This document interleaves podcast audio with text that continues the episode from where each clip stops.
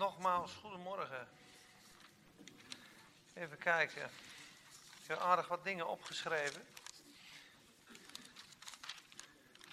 Die zijn leeg, die hebben we al gehad.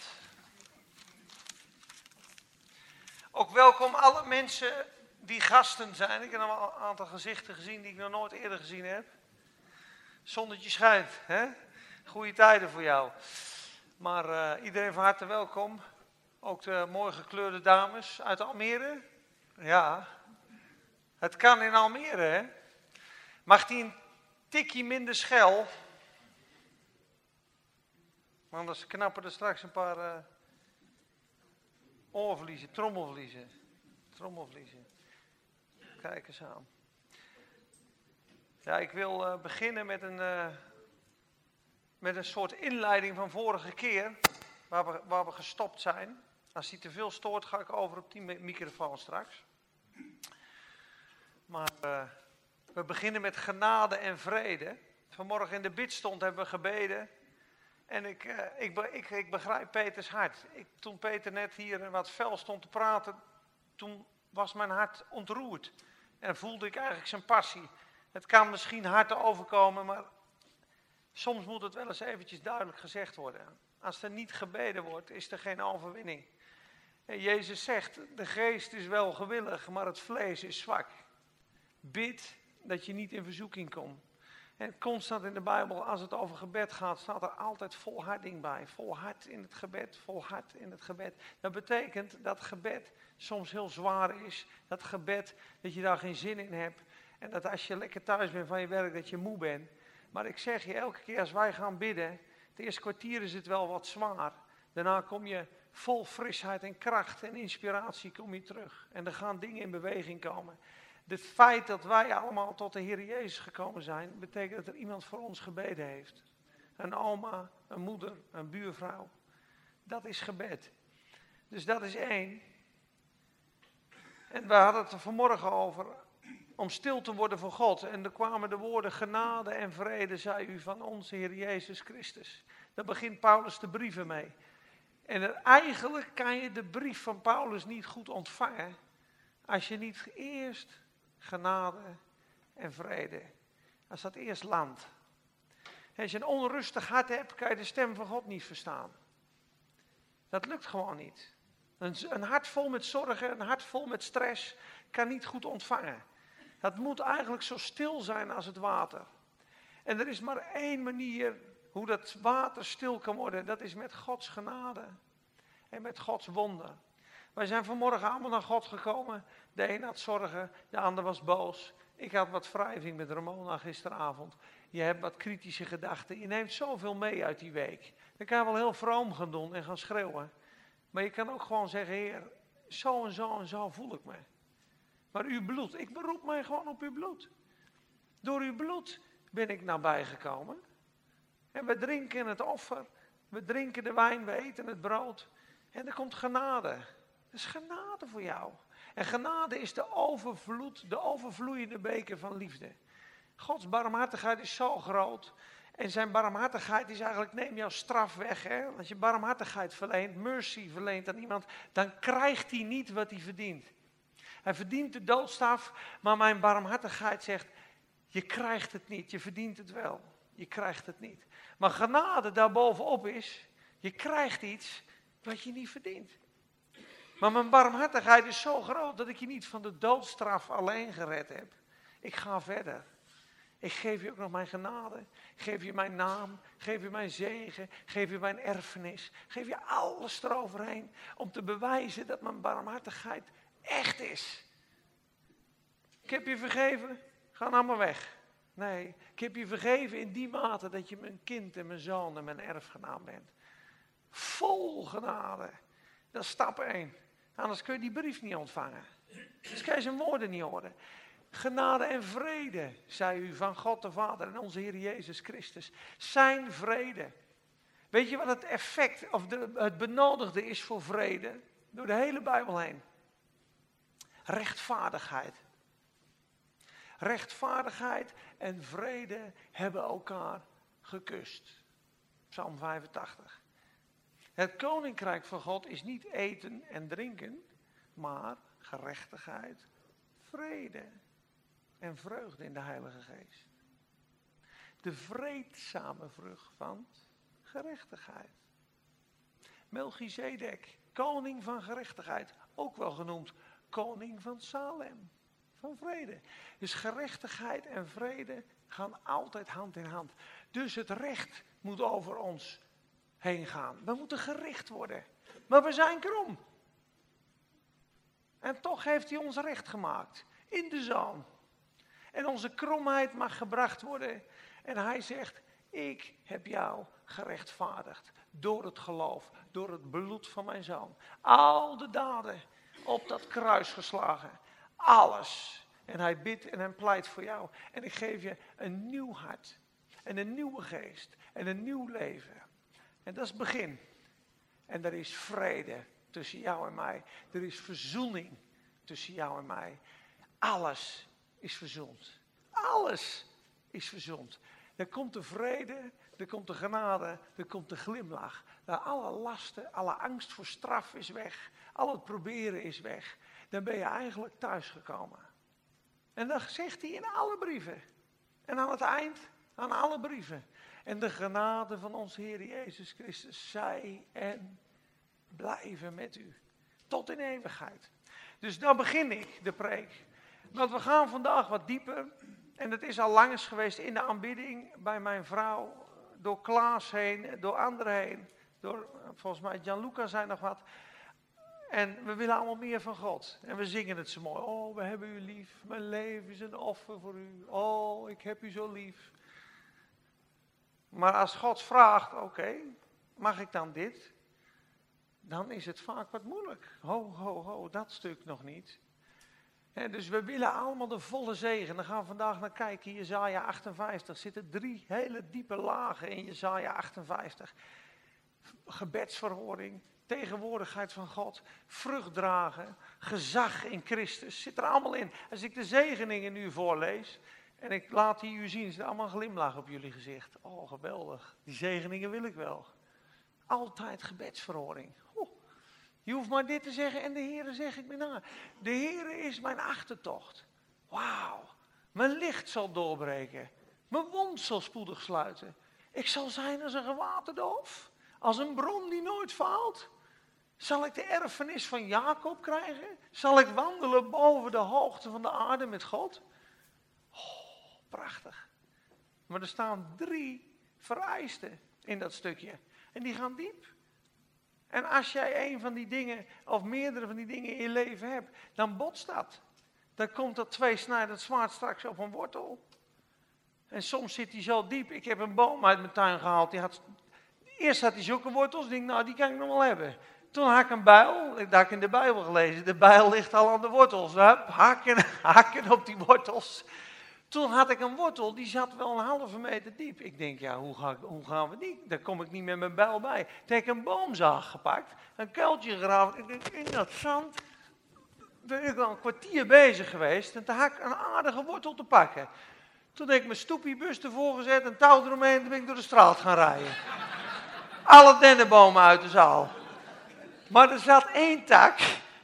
Rutger Beukers was er nog bij. Ja, we hadden die tuin. Toen zei hij, nou, nou hou op. Er stond daar een eik, die stond acht meter verder. Die had een paar wortels, die waren nog, nog dikker dan de boom zelf. Die liepen door mijn tuin heen. Toen hebben we er maar zand overheen gegooid. Ik denk, dit is, dit is prima zo. Maar er komen bepaalde wortels in ons leven. Daar kan God komen met zijn bijl. En dat is echt niet fijn. Maar hij moest eruit. En nu heb ik een prachtige tuin. En sommige dingen ook al ga je naar de dokter of wat ook, soms moet er iets uit. En daar gaat Jezaja 58 over. Het gaat over schijnvroomheid. Daar gaan we straks op inzoomen. Maar ik wil voor de mensen die er niet waren, om een goede basis te leggen, dat het niet een preek wordt tegen een onbekeerd mens van ga nou je best doen voor God. Geef je geld aan de armen, doe je uiterste best en dan kan je alle zegeningen van God verkrijgen.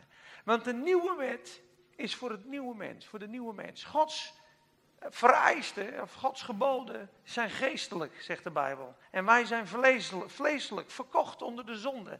We hebben niet de kracht om Gods geestelijke wet te vervullen. Dat kan niet. Dus eerst moeten we geestelijk worden. Eerst moeten we opnieuw geboren worden. Een nieuwe schepping, een nieuw mens, een nieuwe geest en een nieuw hart. Gods geest in hem.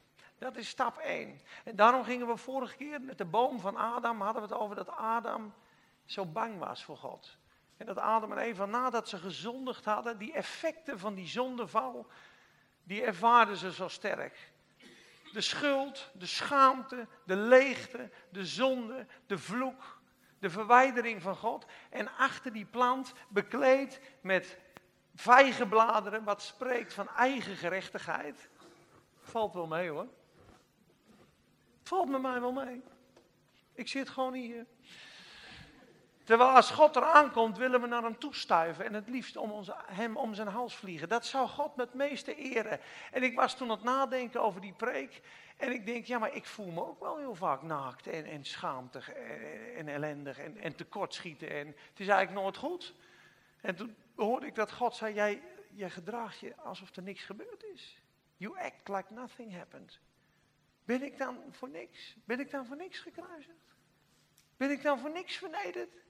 Voor niks een doornenkroon? Is het allemaal voor niks dan? Als ik een doornenkroon draag, als ik de vloek word, dan is het toch geweldig als jij de zegen berft. Dat is toch verschrikkelijk als jij dan in de vloek blijft. Dan heb ik het te vergeefs gedaan. Dat zou mij zo'n pijn doen. Heb ik dan voor niets dat gedaan? En toen dacht ik, hè, dus op het moment dat ik me schaamtevol voel en schuldig voel, terwijl het offer is geweest, dan klinkt, klinkt misschien wel vroom. Ja, ik voel me wel schuldig. Ik ga mezelf straffen, want uh, dat verdien ik. Het is gewoon minimaal drie dagen geen gemeenschap met God. Want dat moet je wel goed voelen wat je nu gedaan hebt. En God heeft geen gemeenschap. Terwijl God zegt nee. Ik wil dat je nu komt, vrijmoedig, voor mijn troon. Ik heb dat zondeprobleem al lang opgelost. Dat is helemaal niet het probleem. Kom tot mij, allen die vermoeid en belast zijn. Weet je wat God kwetst? Ze hebben mij verlaten. De springader van het leven. Ze hebben mij verlaten. Kom tot de wateren, alle dorstigen. Je kwetst God door zijn genade af te stoten. Je kwetst God door niet zijn zegen in ontvangst te nemen. Dan dacht ik, nou, ik wil de zegen wel. Nou, dat eert mij ook. Dat is een mooie win-win situatie dan. Ik blij, u blij en de duivel onder onze voeten en vrucht dragen, daar ben ik voor gestorven. Dus dat eert God. En toen spraken we over de boom des levens, dat de Gerubs ervoor stond. En toen wij opnieuw geboren werden, konden we eten van de boom des levens en we zouden eeuwig leven. En Christus zou in ons komen wonen. En dat woont hij door zijn geest. Om het nieuwe leven te leiden. Die positie, daar gaan we beginnen. We spreken tegen wedergeboren christen. Als je dat nog niet bent, maak vandaag een keuze. Zeg Heer, ik wil mijn oude leven aan u geven. En ik wil een nieuw leven ontvangen. Een totaal nieuw hemels leven. Ik zie, ik probeer mezelf misschien wel te redden. Ik heb veel patronen in mijn leven die ik niet kan doorbreken. Maar je wordt religieus. Je kan het niet. Je moet opnieuw geboren worden. Er zijn zoveel Jehovah-getuigen, zoveel oprechte mensen. En ze weten het niet. We gingen ons bed kopen. En ik, ik begon over het geloof tegen die man. En hij zei, ja, ik ga straks de straat op. Ik zei, oh. En hij zei, ja, ik ben Jehovah getuige. Dat doe ik al 22 jaar. Elke dag bijna, na mijn werk. En ik keek hem in zijn ogen en ik denk, lieve jongen, ik zei, ben je opnieuw geboren? Huh? Wat is dat? Ik zei, ben je opnieuw geboren? Heb je de Heilige Geest ontvangen? Ben je een kind van God geworden? Nee, nee, nee, nee, nee. Ik zeg, maar wat, wat, wat ga je de mensen dan vertellen? Ja, dat ze moeten leven volgens de Bijbel. Ik zeg, dat klinkt heel mooi. Je moet leven volgens de Bijbel. Dat klinkt mooi, hè? klinkt vroom, hè? Ik leef volgens de Bijbel, volgens zijn richtlijnen. En als ik dat goed genoeg doe, zei hij, ja, dan, dan, dan, dan mag ik misschien naar de hemel. Ik zei, dat is toch verschrikkelijk dat je dat nu niet weet? Ik zei, is voor jou gestorven en gekruisigd? Ja, ja, maar, ja, maar we, moeten, moeten het verkondigen. Dat klinkt weer vroom, hè? We moeten het verkondigen. Oh, dat klinkt zo goed. En dan zou je uiteindelijk je plek, door, door, door, door te verkondigen, zou je dan gered worden. Dat is niet meer uit genade. Dat is heel listig, joh. Je bent helemaal nog niet opnieuw geboren. En je wil wel de geestelijke wet vervullen. Dat kan helemaal niet. We moeten eerst sterven. We moeten eerst in de grond voordat we vrucht kunnen dragen. We moeten eerst komen bij het kruis. Eerst aan het einde van onszelf. Dan de zonde in de dood gebracht. Dan opgewekt worden in heerlijkheid met Hem. Vervuld met de Heilige Geest. En dan staan we opnieuw geboren. Voor eeuwig zijn kind. En ja, halleluja. Zeg dat wel. Halleluja. Jou zien we in de hemel. 100%. Maar dan gaat de Bijbel ook verder. Want we zijn niet alleen uh, vergeven van onze zonden. Jezus is niet alleen gekomen, ik vergeef je zonde. Nee, we ons verlossen van onze zonden. zijn naam zal zijn Jezus, want hij zal zijn volk verlossen, zalig maken van hun zonde. Dus nou komt Jezaja 58. En dan zegt hij tegen dat volk, zegt hij een paar rake dingen. Maar hun, zijn doel en dat is net als met Job. Job was een rechtvaardig man. Godvrezende, wijkende van het kwaad. En toch moest de Heer nog een proces met Job gaan. Dat hij aan het eind van zijn leven zegt, ik doe mijn hand op mijn mond. Ik heb verkeerd van u gesproken. Ik bekeer mij in, in stof, rouw en as. Waarom moest Job zich bekeren? Waarom? Ik had alleen maar gehoord met mijn oor. Nu heb mijn ogen u aanschouwd. God wou Job nog veel dieper brengen. Dus je kan helemaal rein zijn met God. Je kan denken, ik ga helemaal, helemaal goed. Ik heb mijn schaapjes op het droge. 5000 kamelen, mijn kinderen allemaal gelovig. En ik vrees de Heer en elke dag offer ik.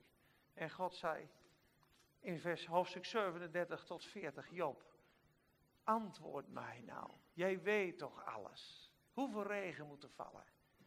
Heb je, heb je de prooi voor de leeuw gevangen vandaag? Je weet toch alles? Om God nu lenden, uw lenden en onderwijst mij. Met andere woorden, hij was heel hoogmoedig in zijn gedachten, Job. Hij dacht, ik weet het allemaal wel. En God zei, om vanwege jouw antwoorden tegen de ongerechtige lieden. Einde van hoofdstuk 35 en 36.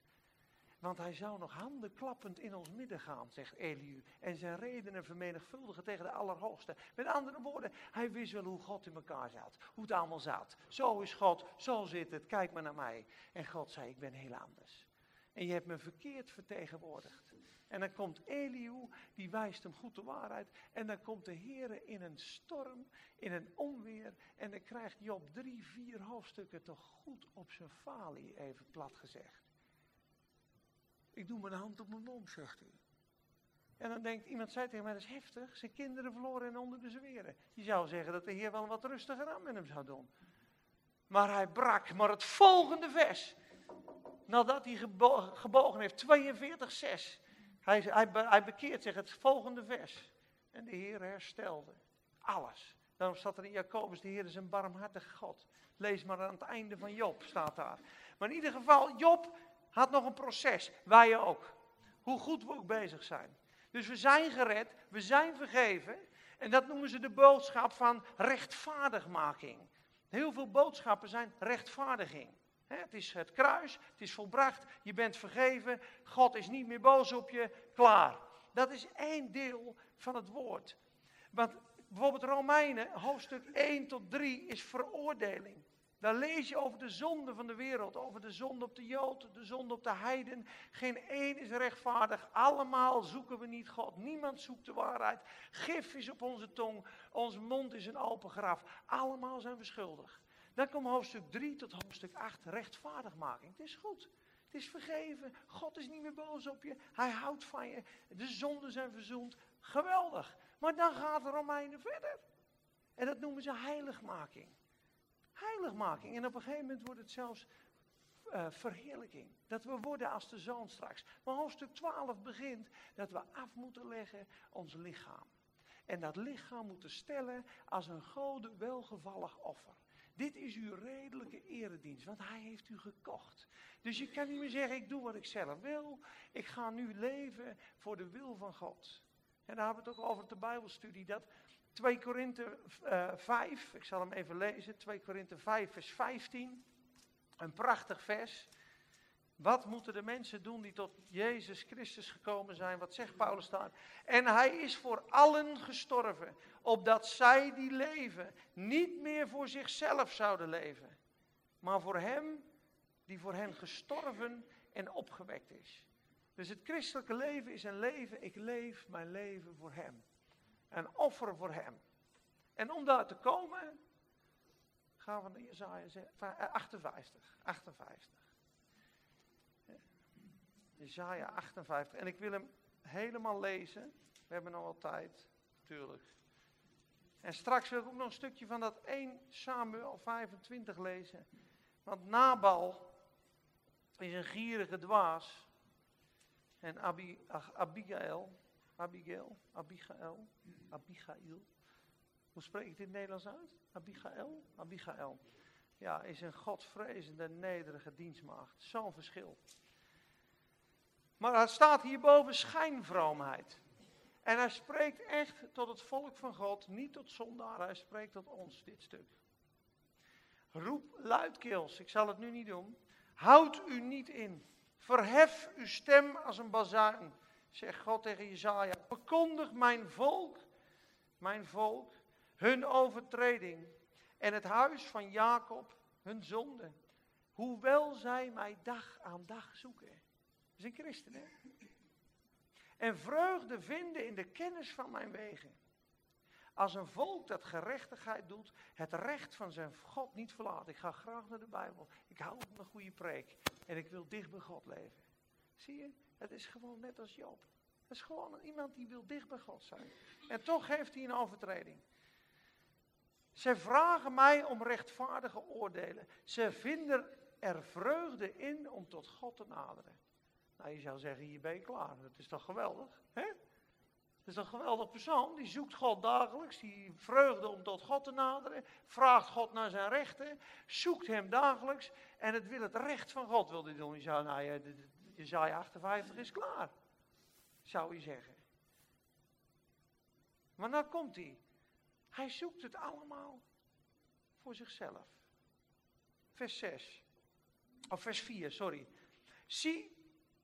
Oh nee, sorry, vers 3. Neem me niet kwalijk. Terwijl zij zeggen: waarom vasten wij? we kwellen onze ziel als u het toch niet ziet. Waarom kwellen wij onze ziel, ziel en u weet het toch niet? Zie, op uw vastendag, zegt God, zoekt u uw eigen wens.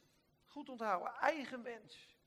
Uw eigen wens. En u beult uw arbeiders af. Zelfs als u aan het vasten bent. Ik heb vier vertalingen gelezen. Er staat, even while you are fasting. Eist eigenlijk van zijn arbeiders te veel uh, dan nodig is. En hij bult ze af terwijl hij aan het vasten was. En hij sloeg met zijn vuist op de tafel. Ik wil gebedsverhoring. Want ik verneder en kwel toch mijn ziel om uw stem in de hoogte te doen horen. Slaat u met de vuist op de tafel. Waarom ziet u het niet? We kwellen toch onze ziel? Dat zegt hij. En dan zegt God, zie u vast om te twisten en om ruzie te maken, om goddeloos op de vuist te slaan. Slaan met de vuist van goddeloosheid. Vast niet zoals u dat vandaag doet. Vast niet zo om uw stem in de hoogte te laten horen. Zou dit dan het vaste zijn dat ik verkies, zegt de Heer, dat de mens zich een, lang, een dag lang verootmoedigt en hij zijn hoofd neerbuigt als een riet zich neerlegt in een rouwgewaad en as, noemt u dat een vaste? Is dat een dag die de Heer welgevallig is? En dan zegt hij, is dit niet het vaste dat ik verkies? Dat u de boeien van de goddeloosheid losmaakt. Dat is één, bekering hè? Dat u de boeien van de goddeloosheid losmaakt. Dat u de banden van het juk ontbindt. Dat u de onderdrukten vrij laat heen gaan en dat u elk juk breekt. Is het niet dit is het niet mijn hart dat u uw brood deelt met wie honger lijdt? En de ellendige ontheemde een thuis biedt. Als u, dus dat zijn gewoon vluchtelingen. Als u een naakte ziet, dat u hem kleedt. Ja, dat u zich voor uw eigen familie niet onthoudt. Dat is één, hè? Dan komt de eerste, eerste, eerste zegening. Wij hebben eigen wens. En straks krijgen we eigen weg en een eigen woorden. Ik ga mijn eigen weg, ik spreek mijn eigen woord, ik doe mijn eigen wens. Dat kunnen we nog steeds doen. Maar wie dit leert, wie zijn eigen weg Gods weg maakt, wie zijn eigen wens Gods wens maakt en zijn eigen woord Gods woord maakt, die zal alle zegeningen beërven. Jezaja 58. En dan komen de eerste zegeningen. Dan, als u dus dit doet, hè, u zorgt voor de armen.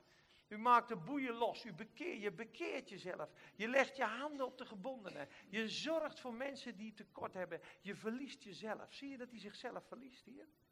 Hij is niet meer met zichzelf bezig. Zijn eigen wens. Gaat voor een ander zorgen. Dat is stap 1. Dan zal uw licht doorbreken als de dageraad. Dan komt alle openbaring. Dan komt de visie. Dan zie je alle dingen. Dan en zal uw herstel spoedig intreden. Uw wond zal spoedig sluiten. Innerlijke genezing komt op het moment dat je een ander gaat helpen. Zie je dat? Uw gerechtigheid zal voor u uitgaan. De heerlijkheid van de Heere zal uw achterhoede zijn. Dan zult u roepen en de Heere zal antwoorden. Gebedsverhoring. Dan zult u om hulp roepen en de Heere zal zeggen: Zie, hier ben ik. Tegenwoordigheid van God. Als u het juk uit uw midden wegdoet, het uitsteken van de vinger. Waar spreekt dat nou van? Het uitsteken van de vinger. Hij. Hij. Veroordeling. Roddel over een ander. Zelfrechtvaardiging. Niet ik. Ligt aan hem. Kijk maar naar hem. Kijk eens bij hem. Kijk eens bij hem.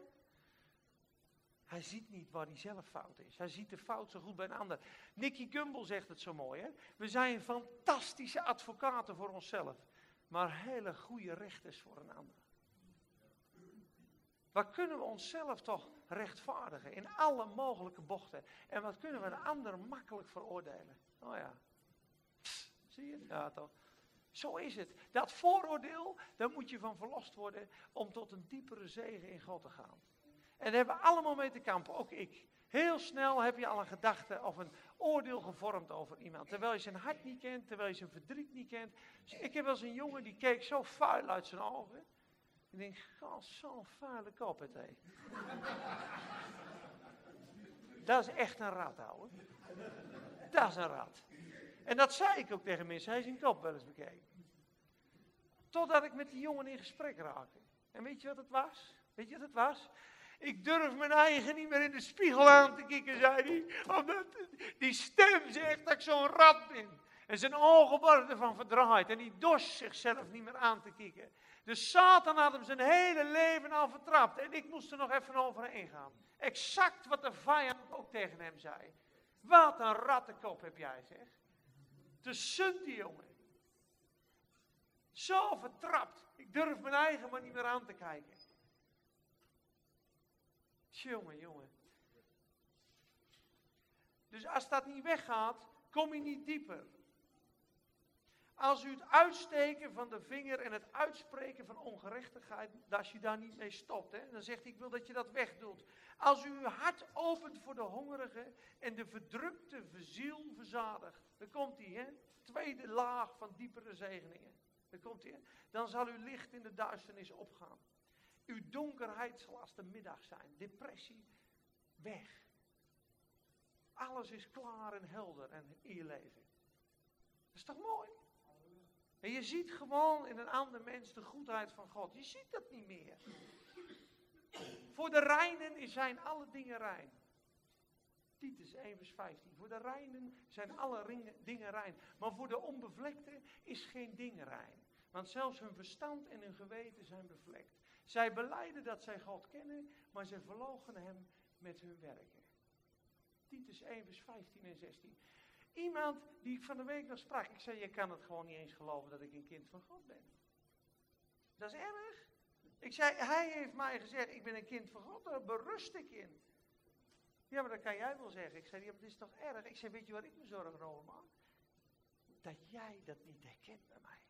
Ik zei, ik hoef een ander, hoef ik maar drie minuten mee te praten. En dan zie ik het licht van God in zijn ogen. En dan zegt mijn hart, dat is een broeder. Dat kun je nooit zeggen. Ik zei, oh nee. Wij weten dat wij overgegaan zijn van de dood naar het leven als wij de broeders lief hebben. Broeders zijn te herkennen. Hoe kan ik anders gemeenschap hebben met mijn broeders dan? Als je niet kan herkennen. Ik zei, het is onmogelijk voor jou. Ik zei, weet je wat ik me zorgen maak? Als jij volgende week sterft. Dat ik het niet weet. Omdat ik het niet herkennen. Jij kende het niet bij me. Waarom zeg je niet, wat fijn dat jij de Heer Jezus gevonden hebt. Ja, maar dat kan ook dit, en allemaal dingen, weet je wel. Maar hij heeft een vooroordeel over zoveel mensen. Alles is hem onrein. Alles is duisternis. Alles is donker. Geen lichtpuntje van genade kan je zien. Lees maar Jeremia 17. Maar je licht wordt helder op het moment dat je stopt met roddelen, eigen gerechtigheid. Ook gewoon je fouten accepteren. Ook gewoon accepteren, ik ben nou eenmaal zo. Ja, ja, ja. Zo is het. Daar sta ik. Is mooi. Kijk tot echtheid komen. Klaas sprak erover. Daarom zeg ik, sluit heel mooi aan op de preek. Heel mooi hè nu. En de Heere zal u voortdurend leiden. Dat is een zegen. De Heer zal u voortdurend leiden. En hij zal uw ziel in dorre streken verzadigen. In die woestijn, in de moeite. De diepe vervulling van God, van de Heilige Geest. Die dikke, dat noemen ze marrow en fatness. De vettigheid van zijn huis. Psalm 36. Dan is het net als een kaars die brandt. Dat kaarsvet van de Heilige Geest aan de binnenkant. Net of die gesmeerd wordt. Beenderen zullen vaardig zijn. Hè? Staat er hè. Het zal uw beenderen vaardig maken en uw navel. Weet ik veel wat er allemaal staat. Maar het is in ieder geval hartstikke mooi. Hij zal uw ziel in dorre streken verzadigen, uw beenderen kracht geven. Dan zult u zijn als een gewaterde hof, als een bevloeide tuin, als een bron waarvan het water nooit ontbreekt en wie uit u voortkomen, uw kinderen, moest nagaan, gaat de zegen door, zullen de verwoeste plaatsen van weleer herbouwen. De fundamenten die van generatie op generatie verwoest zijn, zult u herstellen. En ze zullen u noemen, hij die de bressen dichtmaakt. Hij die de paden herstelt. Opdat men er weer kan wonen. Dus dat is een hersteller. Is iemand die breekt door. Zijn zegen is niet bij hemzelf, het gaat door. Hij maakt dingen die kapot gegaan zijn in generaties, maakt hij goed. Hij staat voor God. Hij bevloeit alles waar hij heen gaat. Overal waar hij komt, brengt hij leven. De rivier van God is in hem. De tempel van God is in hem. De stromen van levend water komen uit hem vandaan. En waar hij ook komt, vrucht op vrucht op vrucht op vrucht. Als een gewaterde hof. Een bron wiens water niet ontbreekt. Dat is wat. Bressen herstelt hij. Vredestichter is het. Ruzies maakt hij goed. Hij spreekt met wijsheid. Net als Abigail. Want als je het verhaal leest, hè, David komt met zijn mannen. En die zegt, jongen, stuur even een paar bolders naar die Nabal. Want die heeft nog heel wat schapen. Die was schat hemeltje rijk. En vraag hem, zeg hem gegroet. Wees gezegend. Koning David groet je. Of dat was nog geen koning, sorry. David en zijn mannen groeten je. Zou je voor ons wat te eten hebben. We hebben namelijk met jouw herders gekampeerd jarenlang. We hebben ze nooit aangeraakt. We hebben ze niet bedreigd. We hebben geen schapen van ze genomen. We hebben ze beschermd en we hebben er nooit wat voor gevraagd. Zou je ons wat eten kunnen geven? En Nabal zegt, wie is die David joh? Waarom zou ik mijn eten en mijn brood weggeven aan die man? Daar begin ik niet aan joh. Ga lekker weg, kan ik iedereen wel wat geven. En David is vertoornd. En die neemt 400 man mee. En ze gaan er allemaal aan, zegt hij. En Abigail die hoort dat. En die, die zadelt 10 of 15 ezels. 200 kilo vijgen, 200 broden, twee zakken wijn. Tal van spullen gaat ze brengen. En ze neemt de schuld op zichzelf. Ik zal het je maar voorlaten, ik vertel het wel, anders wordt het te lang. Maar ze zegt, ik heb gezondigd, vergeef mij. Ze neemt de schuld op haar. Hij is Nabal. Het is een dwaas, dat betekent zijn naam ook. Een Belial-zoon is het. Vergeef mij.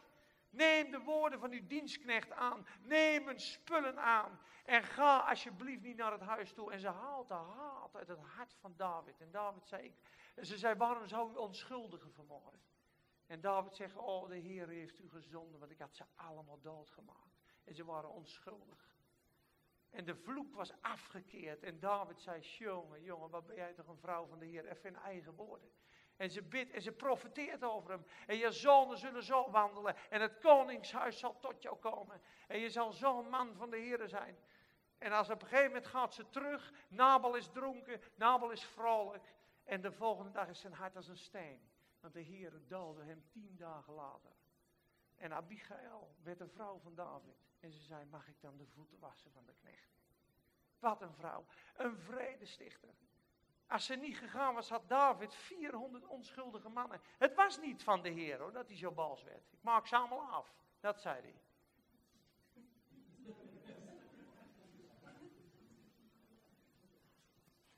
Maar die praten niet meer over anderen, die zijn gewaterde hof die brengen vrucht, het zijn vredestichters. En dan de allerlaatste, dus die gaan niet meer hun eigen wegen. Die doen niet meer hun eigen wens, die gaan niet meer hun eigen wegen. En nu de laatste, en die is nog iets heftiger, die spreken niet meer hun eigen woorden.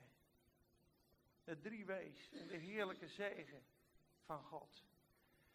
Als je met God leert praten en zwijgt wanneer je moet zwijgen en spreekt wanneer je moet spreken. Psalm 141, en wachten voor mijn tong. Geen loslippigheid, geen snel oordeel. Dan komt de volle zegen van God. Ah, dat moeten we echt allemaal leren. Niemand kan de tong temmen, zegt Jacobus. Alleen de Heer kan dat. Het is een rat aangestoken van de hel, staat er. Hè? Met deze zegenen wij God en vervloeken wij onze broeder. Een klein lid die een heel schip stuurt. Een bit in de mond van paarden, die paarden in toom houdt. Die tong. Let op, maar wat een zegen als je dat leert. Vers 13. Als je ook nog hiervan bekeert dat u uw voet van de Sabbat terughoudt. Dan gaan we niet te diep op in, maar de Sabbat is niet alleen de zondagsrust in die zin dat je op zondag geen dingen doet, geen ijsje gaat kopen of niet naar de bioscoop gaat. De Sabbat is eigenlijk de holy day, de heilige dag, de door God verzegelde dag om van te genieten. En God zag dat het goed was. Holiday komt het woord holiday vandaan. Dat is vakantie, holiday. Rusten, genieten van Gods goede werken. Maar de ware Sabbat is Jezus zelf. De ware Sabbat is Jezus zelf. Dus elke dag is een holiday. En hij zegt eigenlijk, als je mijn Sabbat ontheiligt, is eigenlijk je wandelt niet met mij. Je doet maar gewoon waar je zin in hebt op mijn heilige dag. Elke dag is een Sabbat. De ware Sabbat. Daarom zeurden ze toch ook met die, met die aren. Uh, ze pakken die arenkorrels daar al. Die uh, wrijven ze tussen hun handen. En dit eten ze op de Sabbat. Dat hebben we gezien. Toch? En de Heer zei, heb je niet gelezen wat David en zijn mannen gedaan hebben in de tempel toen ze hongerden?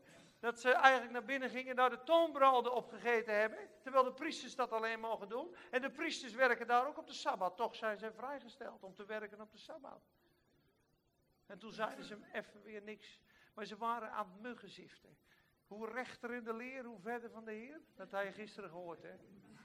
Je hebt van die mensen, als we maar recht in de leer zijn, maar de liefde ontbreekt, ver bij God vandaan. Maar in ieder geval, de Sabbat is Jezus zelf. De Sabbat, wandelen in de Sabbat, is wandelen in de vreugde van God. En hij zegt hier in vers 13, indien u dan uw voet van de Sabbat terughoudt en ermee ophoudt om op mijn heilige dag te doen wat u zelf wil. Zie je dat? Eigen wil, eigen wens. Indien u de Sabbat een verlustiging noemt, omdat de Heere geheiligd wordt, deze dag moet geëerd worden. Indien u die eert door niet uw eigen wegen te volgen. Zie dat? Eigen wegen. Niet uw eigen wensen te, te zoeken en daarover ook niet uw eigen woorden spreekt. Eigen wens, eigen weg, eigen woord. Als je dat leert, dan zult u vreugde scheppen in de Heer. Hij zal u doen rijden op de hoogte van de aarde. Het gezag van God komt daar, jongens. En ik zal u voeden met het erfelijk bezit van uw vader Jacob, want de mond van de Heer heeft het gesproken. De volle zegen van God. En het wandelen op de hoogte van de aarde. Weet je wat dat is? Dan ben je als Caleb en Jozua. Die waren van een andere geest. En Jozua, weet je wat hij was? Waar hij sliep? Iedereen nu in het kamp ging weg. Exodus 33, 11. Maar Jozua, de zoon van Nun, bleef liggen bij de ingang van de tabernakel. Hij sliep in de aanwezigheid van God. En Caleb was een man met een andere geest. En de hoogte van de aarde, en daar sluiten we mee af, is het gezag van God. Dan ben je boven alles krachten en machten gesteld en geeft God je het gezag. Als je dan bidt, als je dan spreekt, gebeuren er wonderen en wonderkracht. Maar hij kan het je pas geven als je zijn woorden spreekt. Als je nog roddelt, als je nog bekritiseert, zal hij dat gezag nooit verhogen. Want je woorden richten schade aan. Wie leert praten, krijgt van God het spreken. Deuteronomium 33, 29 als zegen. En dat zij mensen zeggen dat ook hier, hè, we missen wel eens de zegen. En ik wil ook zeker wel een zegen uitspreken. Maar ik zou je ook een uitdaging geven.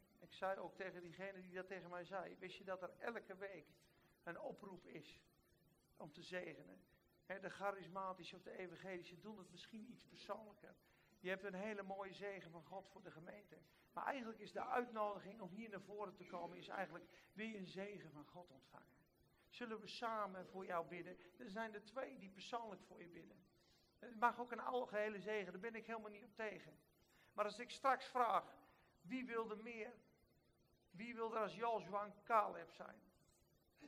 Dan gaan er heel veel mensen naar huis. En dan denk ik wel eens, je wil het wel. Maar waarom kom je je zegen dan niet ophalen? Ja, maar ik kan ook thuis gezegend worden, ja. Kan ook thuis gezegend worden. Dat kan, maar als God iets vraagt, moet je er gewoon op ingaan. En soms gaat het anders, want dat zei precies na Aman ook, hè. Kon die niet gewoon hier komen en zijn hand op mij leggen? Kan toch ook, is toch een man van God? Stuurt hij daar zijn knecht? Word ik een beetje vernederd, weet hij wel wie ik ben. En dan moet ik me daar in die vieze, smerige Jordaan gaan dippen. We hebben wij niet de Nijl. En hij miste bijna zijn zegen. Totdat zijn knechten zei, maar het zal, wat loop je nou te zeuren man? Het is een klein iets wat hij vraagt. Doe het nou gewoon. En bij de zevende keer dippen was hij zijn melaatsheid kwijt. Maar hij had zelf gezegd, kan toch ook anders? Maar dat bedoel ik maar te zeggen. Deuteronomium 33, 29, een mooie zegen. En ik zal het uitspreken over iedereen. Welgelukzalig bent u, Israël, het volk van God. Wie is als u? U bent een volk dat door de Heere verlost is. Hij is een schild voor u, hij is een hulp voor u. Hij zal met zijn majesteitelijk zwaard u beschermen en uw heerlijkheid bewaken. Daarom zullen uw vijanden zich geveinsd aan u onderwerpen en u zult op hun hoogten treden. Amen. Amen.